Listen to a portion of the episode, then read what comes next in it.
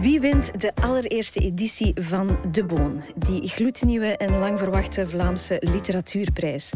In deze nieuwe podcast van De Standaard laten wij u vijf weken lang, met de hulp van vijf gastlezers, kennismaken met alle genomineerden. Mijn naam is Guinevere Klaes en ik heet u van harte welkom bij Letteren.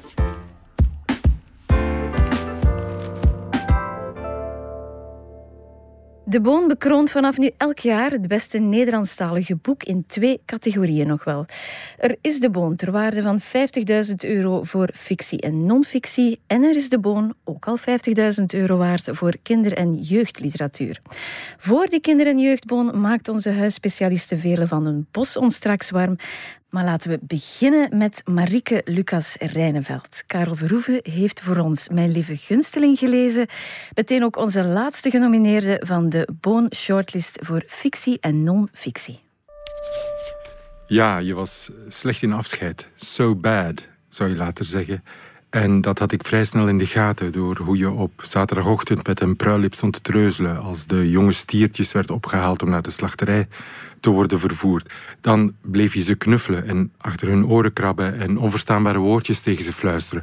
Pas daar zag ik hoe je het verlies met je meezeulde. Ik wilde het het liefst wegnemen met ontstekingsremmers of beter nog door het op te vullen hoewel we nooit wat tegen elkaar zeiden. Al keek je in die jaren dat ik langskwam meermaals toe wanneer ik een koe insemineerde. Of onderzocht, dan bracht je een emmer met warm water en een schoteltje met een blok groene zeep, zodat ik mijn handen kon wassen die besmeurd waren met bloed en stront, en reikte je een oude, geruite keukendoek aan. Maar er kwam geen woord over je mooi gevormde lippen, waar ik het liefst aan wilde voelen, zoals ik deed bij dieren met blauwtong. Je had geen blauwtong, je was kerngezond en zeer bekoorlijk. En ik wist daar al dat ik de eerste man in je leven zou worden die je zag zoals je graag gezien wilde worden als een veertienjarige volwassene. Alle veertienjarigen verlangen ernaar om groter gezien te worden dan ze zijn. Maar jij wilde het niet, alleen jij gedroeg je ook zo. Enzovoort, enzovoort. Eén zin. ja. mijn lieve gunsteling. En ik ben, ben nog niet eens een fragment aan het lezen van die zin. Waarschijnlijk. Karel Verhoeven, je hebt speciaal voor deze podcast bij Lieve Gunsteling gelezen. Maar is dat een boek dat je hoe dan ook had vastgepakt? Uh, ja, ik had het gekocht en klaargelegd. En wel omdat ik De avond is ongemak nog niet had gelezen. Oké. En ik dacht, laat ik hier eerst mee beginnen met het nieuwste, met het recentste. Oké, dus je hebt ze allebei gelezen? Ik heb ze allebei gelezen. Okay. In omgekeerde volgorde. Ik heb eerst mijn lieve gunsteling gelezen en pas daarna de avond is ongemak. Mhm. En ik had dat beter omgekeerd gedaan, omdat ik dit een moeilijk begin vond. Ik kwam er moeilijk in, in mijn lieve gunsteling. Okay. Ik vond het, ja, dat het vol met, met verwijzingen zat aan dingen die ik niet goed begreep. En pas toen ik Avond is ongemak las, zag ik dat... Kon je het plaatsen? Ja, kon ik plaatsen. dus eigenlijk is dit een het is niet zo gepresenteerd door uh, de schrijver en niet zo door de uitgeverij. Maar het is wel een tweeluik. Ergens een vervolg, hè? Ja. En het is ergens een vervolg. Je voelt, het is, het, is, het is niet hetzelfde hoofdpersonage, identiek. Maar um, ze peutert in haar neus en ze heeft een, op dezelfde geboortedag als Hitler geboren. Ja. Het is identiek hetzelfde milieu. Ja. Het is hetzelfde, dezelfde setting, het is hetzelfde verlies. Maar laten we beginnen bij het begin. Karel, misschien moet je ons eerst even vertellen wat er zich afspeelt in Mijn Lieve Gunsteling. Ja, je kunt daar heel uiteenlopende versies over vertellen. En mhm. ik wil er drie vertellen. Okay. laat mij beginnen bij hoe de verteller van het boek het zelf vertelt. Dit is een boek waarin één stem aan het woord is. Een man, Kurt, die veerts is, 49 jaar. En die 350 pagina's lang vertelt over zijn obsessie met een 14-jarig meisje. En hij vertelde over hoe dat die waanzinnige zomer van 2005, hoe die verlopen is. Zomer van 2005 staat in grote letters helemaal bij het begin van het boek. Kurt is aan het woord en vertelt over ja, die overweldigende ontmoeting met die 14-jarige. De verliefdheid die hij daarvoor opvatte. De liefde, de aandrang. De lust, de mhm. geilheid die hij voelt. Die hem over alle grenzen heen duwt. Mhm. En hij die uiteindelijk alles opgeeft om haar te kunnen bezitten. En hij weet dat het fout is natuurlijk. En dat zegt hij al op de eerste pagina dat het helemaal fout is. Maar Het is natuurlijk de kracht van de liefde, zo noemt hij dat. Alles is de kracht van de liefde. En dus zijn, zijn, zijn lieve gunstelingen, woord dat hij wel honderd keer gebruikt, of mijn hemelse uitverkoren, of mijn schattenbout. En, en hij zegt daarover simpel, ja, je was te jong, maar je was ook te bezield en je was te ongeduldig. En dat is dan toch een legitimering waarom hij dacht daarmee te kunnen door. Zijn mhm. versie. Mhm. Als je er nuchter naar kijkt, is het natuurlijk 350 pagina's relaas van een, um, ja, de verkrachting van een meisje. Ja, we zitten, we zitten in het hoofd van een pedofiel. Hè? we zitten absoluut in het hoofd van een pedofiel. Ja. ja. En, een behoorlijk ehm, ongemakkelijke plek om je te bevinden hè? als lezer. Een, een rotplek om je te bevinden. Want hij schroomt ook niet om te vertellen wat hij allemaal met haar gedaan heeft en waarom. Hij probeert natuurlijk vaak te vergoelijken wat mhm. hij gedaan heeft. Maar hij gaat de expliciete scènes niet uit de weg. God zij dank, en dat is natuurlijk het grote talent van de schrijver. Zijn zelfs die expliciete seksuele scènes zijn op geen enkele manier heel direct gemaakt. Mhm. Maar als lezer zit je op een plek waar je vooral die goed voelt. Ik voelde vooral die goed. En toch blijf je verder lezen. En dat is dan omdat er, en dat is eigenlijk wat mij betreft de derde manier om het boek te beschrijven. Mhm omdat je een zeldzame inkijk krijgt in perversiteit. En dat is natuurlijk de, grote kracht van deze roman. En een dubbele perversiteit. Je ziet zijn perversiteit, die de perversiteit van de, van de lust is. Ja. Van een geperverteerde lust, een mhm. foutgelopen lust. Maar ook de haren. Ook zij is op een manier pervers. Wat dan heel hard met de dood te maken heeft. Met verlies, met rouw, met schuldgevoel.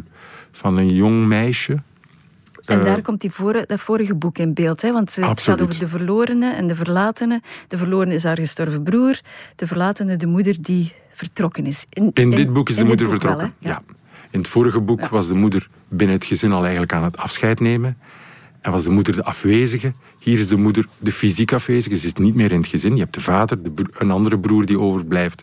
En zij, in het vorige boek, De avond is ongemak, had je het gezin dat uiteenrafelt na de dood in de avond is ongemak was het een, een ongeval op het ijs. Hier is het een verkeersongeval. Maar ze ontwikkelt het een perverse omgang met die dood. En het is de combinatie van die twee perversiteiten die de motor is van de fictie van dit boek. Een zeer hele krachtige motor, omdat die ook beschreven wordt in een diepe taal met hele diepe wortels, met bijbelse wortels. Niet zomaar met klassieke wortels, maar met die bijbelse wortels. En dat maakt natuurlijk dat dit hele particuliere geval ja, een heel grondig, diep, culturele Eros en Thanatos ja. verhaal is. Dat dan voortgestuurd wordt door die verteller. Ja. En dat maakt het boek wel, wat ik vond dat ik het moeilijk inkwam, zodra ik erin was, een weergaloos sterk boek. Ja. Reineveld zelf heeft al in een paar interviews gezegd dat hij eigenlijk met dit boek een onderzoek wou doen naar de dader, naar het daderschap. Hè, omdat een dader ben je niet, een dader word je. En dat wordt ook heel expliciet verteld hè, over de verwondingen van de dader zelf. Waardoor je eigenlijk tot op een bepaalde hoogte wel ja, begrip, empathie voor de dader. Hè? Ja, je zit gevangen in het narratief van de dader. En ja, het is heel gereformeerd Nederland. Het speelt zich af in uh, Rijnveld zelf is van Noord-Brabant. De Bijbelbelt. Streng gereformeerd. Bijbellectuur, zoals ook in de avond is ongemak. Maar eigenlijk is het een heel katholieke manier om naar te kijken, namelijk exuberant, eh, proza, waarbij de dader zelf 350 pagina's de tijd krijgt om met alle woorden die hij bezit, en hij is niet zomaar een veearts, hier is echt een, uh, een taalwonder aan, aan het woord. Het is een, een, een libidineuze dominee die aan het praten is. Het is een hele vreemde combinatie. Het is een heel lustvol bijbels proza waarin hij zijn eigen daden legitimeert. En vertelt waarom hij het gedaan heeft. En dit is één grote biecht. Ja, want het is tegelijkertijd ook een biecht. Hij legitimeert, maar het is ook wel een ja, schuldbekentenis. Het is een, biecht, het is een schuldbekentenis die hij doet aan de magistraat. Ja. Naamloze magistraat, en geleidelijk aan het boek wordt iets duidelijker over die magistraat, maar ook niet zozeer veel. En hier natuurlijk krijg je, want van bij de eerste zin weet je, dit is Lolita. Jawel, ja ging net zeggen, die vergelijking wordt uiteraard vanzelfsprekend van gemaakt. Lolita uit 1955 al, hè, roman van Nabokov. In hoeverre vind je die vergelijking opgaan? Maar de vergelijking gaat natuurlijk op omdat er, dat er vaak het komt zeker drie, vier keer die uh, letterlijke zinnen uit, uit uh, Nabokov terug. Hè. De, de maar waar... Fire of my loins komt exact, uh, letterlijk. Ja. ja. letterlijk terug. En wat je natuurlijk bij Lolita, want ik heb dit nog eens bijgenomen, die Humbert Humbert is natuurlijk een pervert van een hele andere school, die veel doortrapter is dan deze Kurt. Deze Kurt is maar een beginneling in vergelijking met die die toppervert die Humbert Humbert is, die met iedereen jokt en die ermee speelt en die, die uh, ook een, een, berg humor en ironie en cynisme heeft, dat heeft deze Kurt allemaal niet. Het is bloedernstig. Hè? Dat, dat, is ook wel, helaas wel waarom het zo'n beklemmende lezing is. het mhm. is. Het is bloedeloos ernstig. Mhm. Maar wat zij wel met die Humbert Humbert gemeen heeft, is, er staat ergens in, en ik heb zo'n een hoofdstukje van Nabokov opnieuw zitten herlezen. En ik kwam meteen bij die volgende passage die ik mij herinnerde. De Humbert Humbert die schrijft... You can always count on a murderer for a fancy prose style. Je, kunt, je kan altijd goed op een moordenaar rekenen voor een kek verhaal. En dat is eigenlijk wat hier ook aan het gebeuren is. Je kunt op iemand die de code doorbroken heeft, voor iemand die een groot vergrijp, een misdaad begaan heeft, want het is echt een, heeft echt wel iets gruwelijk gedaan hier, daar kun je wel op rekenen om zichzelf goed te praten in een goed verhaal. Ja. En dat is eigenlijk de kracht van dit boek. Mhm. En tegelijk ook de grote zwakte, vind ik. Want ik vind, achteraf beschouwd, dat ja, je zou kunnen zeggen, je wordt ertoe gedwongen of hij brengt er jou toe om mee te gaan in zijn verhaal. Maar als je terugkijkt op het boek, als je dichtgeslagen hebt, dan heb je eigenlijk geen empathie voor die man. Omdat hij een blinde vlek blijkt. Want wat je hier, in dit boek wat hier aan de hand is, als vertelstijl is natuurlijk interessant. Je ziet in de recensies dat het heel veel gaat over de liefde, maar dat is hoe hij het formuleert. En wat hier aan het gebeuren is, is precies het tegenovergestelde als het eerste boek, De Avond is Ongemak. In De Avond is Ongemak kreeg je een meisje dat kijkt als klein kind, mhm. dat de taal heeft wel van een volwassene, het zijn volwassen zinnen en volwassen jargon, maar het is haar blik, het is haar stem. Wat hier aan het gebeuren is dat je de stem van de volwassene hebt. Het is de man die praat, de 49-jarige mhm. die praat. Maar zijn focus is het meisje. En wij zijn ook al eigenlijk alleen maar geïnteresseerd in haar. Mhm. Zij is veel interessanter dan hij. Hij is maar een vehikel, hij is maar ja, een doorgeefluik voor haar stem. Mhm. En wat in het boek interessant aan het gebeuren is, maar zij komt er, de naamloze gunsteling, ze heeft geen naam, zij komt er gaandeweg in het boek, neemt zij de controle over. Hij wil haar voortdurend domineren, hij wil controleren wat haar verhaal is. Hij wil de hele tijd vertellen wat zij aan het doormaken is. En zij komt erdoor. Dus zij is oncontroleerbaar. Zij breekt door zijn mhm. stem heen. En daar wordt dat boek krachtig. Dat is wel een geweldige krachttoer, toch? Dat je door geweldige zijn krachttoer. haar leert kennen en al Fenomenaal. Ja, een volwaardig portret krijgt toch van haar, of niet? Totaal. En doordat dat zo indirect is, is het zo'n grote fictie. En gaat het verder dan Lolita eigenlijk? Hè? Eigenlijk wel. Want Humbert Humbert is te dominant en laat dat niet toe.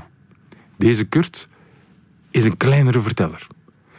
Maar het is ook wel... Die Kurt legt zichzelf al vaak uit. Hè. Mhm. Zijn moeder heeft hem misbruikt. En, en eerlijk gezegd, het kan mij niet schelen. ik vind het ook niet geloofwaardig. Ik vind het niet interessant. Ah, oké, dat is interessant. Dus je gelooft hem niet? De misbruik ik geloof, van zijn moeder. Ja, hij vertelt ook over hij haar leerde kennen en welke liedjes hij dan hoorde. En dat blijkt dan achteraf in een tweede versie. Ja, dat kan nog niet, want ze was toen nog niet geboren, zegt hij over zijn lieve gunsteling. Dus hij, hij twijfelt. Hij zou terecht twijfelen over zijn eigen vertelling. Natuurlijk is hij manipulator, eerste klas. Dat zien we in mhm. hoe hij met zijn slachtoffer omgaat. Dus waarom zouden wij hem geloven? Totaal onbetrouwbare verteller. En dat is ook het interessante, die, het feit dat hij zo onbetrouwbaar is. Maar wat hij zelf psychologisch heeft meegemaakt en waarom hij haar misbruikt, vind ik zelf, en daarin schiet het boek misschien, het is de flank waar het boek wat tekort schiet. Ik vind het zelf niet zo interessant, ik vind het niet zo origineel, ik vind het Dat is het is een heel ja, bijna simpele uitleg. Hè. Misbruikt als kind zelf door moeder, in de ontwikkeling gestagneerd, puberliefde nooit gekend, wil die alsnog beleven met nu voilà. Zijn ontwikkeling, seksuele ontwikkeling is blijven staan op zijn veertien, dus zijn moeder hem begon te misbruiken. En nu uh, neemt hij de, de, beleeft hij zijn, zijn, zijn is waar, Het steekt wat bleek af tegen de, tegen de rest. Hè? Tegen, tegen, de, ja, de, intelligente fantasie van de rest. Zwaar. Ja, tegen haar enorme verbeeldingswereld. En die verbeeldingswereld die, die komt nog het best aan bod in die, die talloze nachtmerries. Wat het boek ook moeilijk te lezen maakt. Eh, nachtmerries waar het proza de vorm aanneemt van het groteske. Want natuurlijk, je kunt dit niet in zo'n doorbreken van, van, van de orde kun je niet alleen een realistisch proza zetten. Je moet naar het groteske gaan. Wat gebeurt in al die nachtmerries? Waar een klein kuiken dan een groot beest wordt dat hem achtervolgt. En, en in die groteske nachtmerries vind ik hem geloofwaardig als verteller. Maar zij komt er nog beter uit, want ook haar nachtmerries komen, komen aan bod. En haar, ja, haar onvermogen om met dat verlies om te gaan en om zich een plek in de wereld te vinden. Daar komt het goed door. Maar als het dan gaat over zijn eigen letterlijke psychologie, dan schiet het tekort. Want het sterke is dat je haar zeer goed leert kennen en daar niet al die letterlijke uitleg voor nodig hebt. Je krijgt bijvoorbeeld nooit te horen hoe die moeder weggegaan is en waarom. En bijna nooit te lezen wat er met die broer precies gebeurd is. Het is via groteske scènes waar die broer weer tot leven komt in een nachtmerrie, die dan toch weer een wensdroom wordt, dat enzovoort. Dus het, het is veel interessanter bij hoe zij tot leven komt dan wat er met hem gebeurt. Nu, het is hoe dan ook een boek dat je af en toe aan de kant wil Helemaal. leggen. Hè? Ja. Heb ik verschillende keren gedaan. Ja. En het groeit aan jou, vind ik. Het, gaandeweg begint het aan je borstkast te kleven. En je moet het opzij leggen en je moet het weer vastpakken. En dat is denk ik door de motor van die perversiteit, omdat daar die fictie, waarvoor dient uitstekende fictie? En waarvoor moeten we zo dankbaar zijn dat we zoiets te lezen krijgen? Dat is omdat we anders zelden nog een blik krijgen of ja, een, een onderzoek kunnen voeren naar perversiteit. Het is niet meer toegestaan om een onderzoek te voeren naar perversiteit. En je moet ook al van een ongelooflijk goede huizen zijn om dat te kunnen. Ja. Om het niet plat te maken, om het niet te legitimeren, om het niet, om het niet aan te moedigen, om het en tegelijk te kunnen verheerlijken en het objecten er kunnen van tonen. En daarom is het ook zo goed waarom dat zo bijbels verankerd zit. Mm Want dat zit al natuurlijk duizenden mhm. jaren al deel van onze menselijke cultuur. Mhm. Dat onderzoek naar perversiteit. Het is basis van een stuk van van die Bijbel zelf. Mm die, die. Eh, maar dat wordt heel erg in het hedendaagse getrokken. Je krijgt zo zinnen, ellenlange zinnen, waarin tegelijk over het verhaal van Isaac nog eens verteld wordt en flippo's ter sprake komen en uh, een uh, Michael Jackson dansje wordt opgevoerd. Waarschijnlijk wat erbij ging komt. Ongelooflijk. Ja. En dat, ja. dat moet je wel kunnen. En dat is, wordt vaak gezegd, ja, stijl en taal. Ja, nee, het is niet stijl en taal. Het is wereldbeeld en, en grondigheid. En... Het is ook wel stilistisch af en toe een boek om dat je na, na, die lange zinnen soms voelt dat je naar adem behapt. Hè? Maar zijn taaluniversum is onwaarschijnlijk. Hè? Dus het is, van een symboliek en metaforiek, inderdaad, dierlijk, bijbels. Het is zo'n eigensoortig register. Hè? Het is overweldigend. Overweldigend en nooit vergezocht. Dat is zo mooi. Je denkt nooit van, god, wat een vergezochte metafoor. Wat je toch vaak tenenkrullende momenten in veel proza is nog een als en dan komt er metafoor bij kijken en denk ja, Jezus. Nooit. Integendeel, vaak zinnen die je dan toch stukken gaat herlezen. En ik ben het eerste hoofdstuk gaan herlezen, precies omdat ik het zo moeilijk vond, of de, de eerste 50 pagina's, omdat ik het zo moeilijk vond om erin te komen. En na het beëindigen van het boek de eerste pagina's opnieuw gaan herlezen, is een feest. Dus het is een, eh, ook dat heb je zelden bij andere literatuur. Omdat het al van bij het begin vol zit. Er valt geen mus van het dak hier in dit rijke boek zonder dat het betekenis heeft. En je weet vanaf de eerste pagina dat je aan het lezen bent, hier gebeurt van alles wat ik nu nog niet door heb. En dat maakt het lezen moeilijk. Maar zodra je de cyclus doorlopen hebt en je herbegint, dan valt je nog meer de rijkdom van die taal op. En was het daarom, was het eh, puur het register waardoor je er moeilijk in raakte? Of wat maakt het zo moeilijk beginnen? Had jij het niet dat het moeilijk beginnen was? Nee, minder. Ik, ik was meteen, wat ik met elke pagina, dus ook al las ik maar vijf minuten, ik was compleet weg. En daarom ook soms voelde ik mij soms te diep tuimelen. Dacht ik van, oeh, ik moet er even weer dringend uit. Dus het boek eventjes wegleggen. Dus nee, ik had van, van bij het begin was ik er bij de, bij de keel gegrepen eigenlijk. Ja, ik vond, het, ik vond het net moeilijker soms na twee derde van het boek om... Ik zeg het, begon ik echt op mijn adem te trappen, letterlijk bijna. Dus, dus, dus voilà, ik, ik vroeg me af, is het, is het dan puur qua stijl dat het moeilijk was beginnen? Of was het... Uh... Ik begreep de intentie van de roman niet meteen.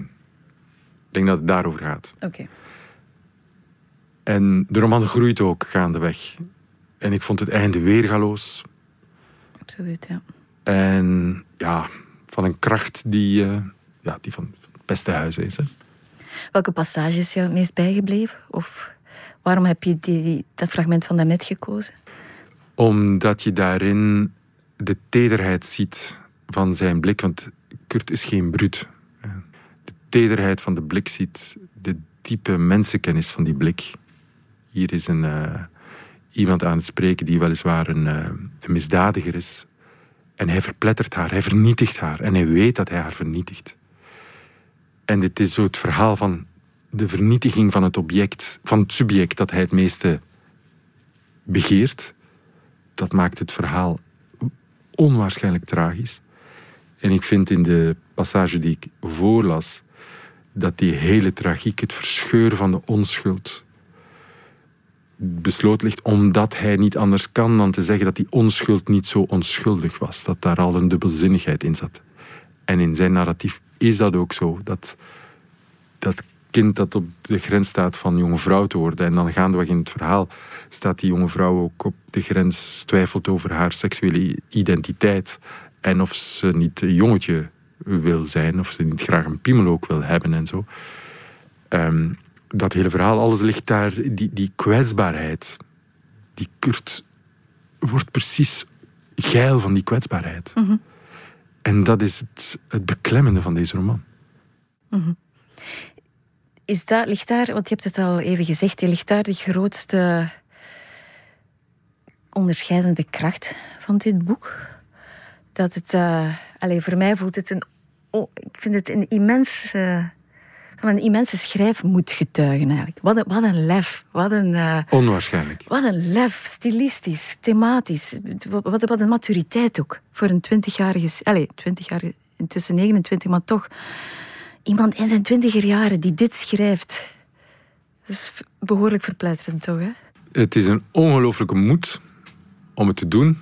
Zeker nu, anno 2021, 2022, het boek is verschenen in 20 om het nu te doen, nu de, de culturele scène zwanger is van sensitivity readers en je op je tellen moet passen. En om dan zo'n onderwerp op die manier, en die weergaloosheid en die toomloze durf om in de donkerste hoek te gaan kijken. Ja. Om niet terughoudend te zijn. En dat toch helemaal juist te brengen, dat is fenomenaal. Ja. Mhm.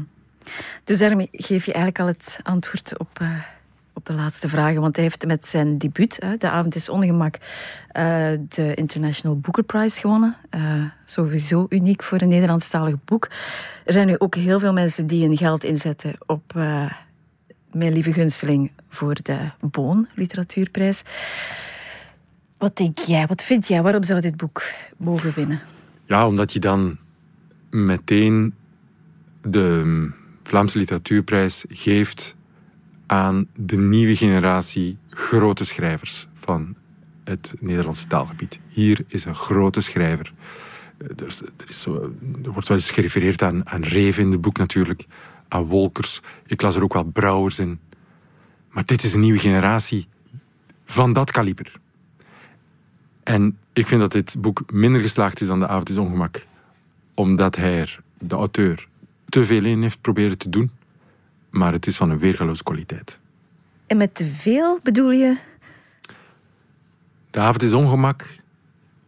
Had een hele heldere focus. Ehm, een gezin rafelt uiteen door rouw die onverwerkt is. En dat gaf dan een, een enorme rijkdom aan, aan gevoelens en aan gebeurtenissen. En die heldere focus hier mis je wat. Of laat me het anders formuleren. Dit boek is complexer. En is naar mijn gevoel soms te complex. De schrijver heeft er net iets te veel willen insteken. En je hebt dat, doordat dat hoofdpersonage, Kurt, eigenlijk een flat character is, had ik als lezer wel vaker het gevoel dat ik van achter een bewasemd raam naar de wereld mhm. keek. Dus de verteller zocht ook wel voor een abstraherende afstand tussen mij als lezer en de gebeurtenissen, die nodig is ook om het te kunnen verteren. En dan vervolgens komen er ook nog een aantal themalijnen bij, zoals die genderfluiditeit mhm. van het meisje dat ook wel verlangt een jongen te zijn. Wat naar mijn gevoel niet zo goed is uitgewerkt en ook niet noodzakelijk is voor de essentie van wat dit verhaal zo sterk maakt. Mijn lezing gewoon hoor. Mhm. En op het einde keert het boek wel terug naar zijn essentie. Dus wordt het wel weer goed. Dus je, en ook, het is zo'n tour de force dat je als lezer niet anders kunt dan dat vergeven, dat je daar overheen stapt. Mhm. Maar... Dus het spreekt jou persoonlijk minder, of minder direct aan dan De avond is ongemak.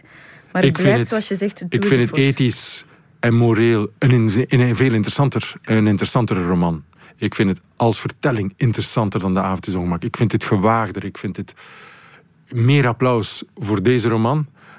Maar als project minder coherent dan De avond is ongemak.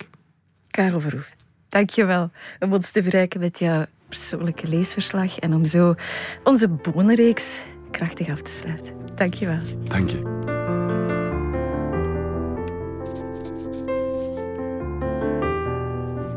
Is dat tijd voor de kinder- en jeugdboon? Onze collega Vele van den Bos vertelt ons waarom wij jong en oud het boek moeten lezen uit Schaduw van Toet van Lida Dijkstra en Jenny Fila. Mag ik hem even zien? vroeg ze. Dat mocht. Ze trok de doek wat naar beneden, keek naar de dichtgeknepen oogjes en het trillende huidje van het jongetje, teerder dan een kuiken uit een ei. Met haar vinger aaide Amani zijn wang, waardoor hij wat bedaarde. Als een bliksemflits schoot haar te binnen hoe ze eindelijk, eindelijk van belang kon zijn. In alle stilte zwoer ze een eed. Ik zal op je passen en tussen jou en je vijanden staan. Ik zal je beschermen tegen het luipaard, de schorpioen, tegen priesters, bediendes, mijn moeder en het allerbelangrijkst, je opa. Ik zal je schaduw zijn, dag en nacht aan je zijde, zelfs als je het niet weet. Dat beloof ik. Net hoorden we een stukje uit Schaduw van Toet van Lida Dijkstra. Sinds Zevenbergen schreef, hoe meer je weet, hoe groter je wereld wordt. Hier ligt het wat anders. Hier is het, hoe meer je weet, hoe langer je leeft. Het hoofdpersonage van dit boek, Anke Senamon, dat is een ingewikkelde naam, is een van de zes halfzussen van het kleine prinsje Tutankhamon. Vandaar dus hoe meer je weet, hoe langer je leeft. Want dat klinkt heel dramatisch, maar als je natuurlijk in het epicentrum van de macht zit, is dat een levensreddend inzicht of kan dat toch zijn? Nu, Anke Senamon die neemt zich, is nogal slim, heel intelligent. En op haar achtste neemt ze zich voor om het kleine prinsje Tutankhamon te beschermen tegen de aasgieren aan het hof van haar vader Echnaton, die eigenlijk allemaal op de macht uit zijn en die een troonopvolger kunnen missen als kiespijn. En die Echnaton die heeft zich in een moeilijke positie gewerkt. Hij heeft namelijk op de zonnegod Atona alle goden afgeschaft en zich de woede van het volk en ook van de machtige priesters op de hals gehaald. En tot overmaat van ramp breekt er ook nog eens een pandemie uit, compleet met lockdown en hamstergedrag, heel herkenbaar. Al hamsterden Egyptenaren hier geen toiletpapier, maar mumielinnen. Nu, Anke Senamon die wordt gedwongen om met haar vader te trouwen en zij krijgt een doodgeboren kindje. En na de dood van haar vader trouwt ze met haar halfbroer, Tutankhamon. En ze wordt dus echt zijn schaduw, zoals de titel zegt, en ook zijn zielsgenoot, want zij zijn echt heel erg eh, aan elkaar gehecht. Maar zoals we allemaal weten is ook Tutankhamon heel jong aan zijn einde gekomen waardoor de positie van haar ook weer heel wankel wordt aan dat hof. En telkens weer moet ze een beroep doen op haar slimheid en haar kennis om te overleven in die slangenkuil die het hof van de farao is. Um, Lida Dijkstra is iemand die een speciale schrijfstijl heeft, die een heel krachtig ritme en mooie klankkleuren. Die tekst, als je het boek ziet, het is ook niet van regeltjes van links naar rechts, maar dat ziet er meer uit als, als een gedicht. Dus soms houdt dat het midden tussen proza en poëzie. En ze slaagt er heel mooi in om die personages die toch duizenden jaren geleden hebben geleefd, uh, overtuigend tot leven te wekken. En ze wordt daarbij ook heel goed geholpen door Phila Genet, de illustratrice. Die maakt echt indruk met haar uh, op Egyptische kunst geïnspireerde beelden, waaraan ze toch een heel eigen poëzie en een heel eigen touch heeft uh, toegevoegd. Dus dat boek ziet er heel erg mooi uit. Dus woord, beeld en vorm zijn perfect op elkaar afgestemd. Zo, beste luisteraar, u hebt hiermee de vijfde aflevering van onze podcast Letteren gehad. En daarmee hebben wij de hele shortlist van de boon gelezen en besproken en al dan niet aanbevolen. Wie de beide bonen winnen, dat weten we zeer binnenkort. Op donderdag 24 maart worden de winnaars bekendgemaakt in Oostende. Ik blijf u intussen vragen om de publieksprijs niet te vergeten. U kunt er een auteur zeer gelukkig mee maken. Surf daarvoor even naar www.standaard.be-de boon en stem daar voor uw eigen favoriet. Dankjewel om zo trouw te luisteren en heel graag tot heel gauw.